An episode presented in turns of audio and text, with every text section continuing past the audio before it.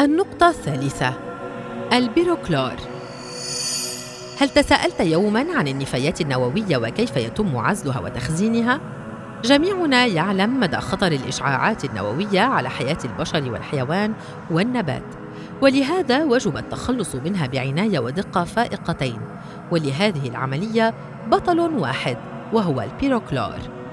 اكتشف البيروكلور وهو أكسيد النيوبيوم للمرة الأولى في العام 1826 في النرويج ويتواجد بشكل طبيعي في الجرانيت والباغماتيت أي في الصخور القلوية وهو الركاز الأساسي للنيوبيوم.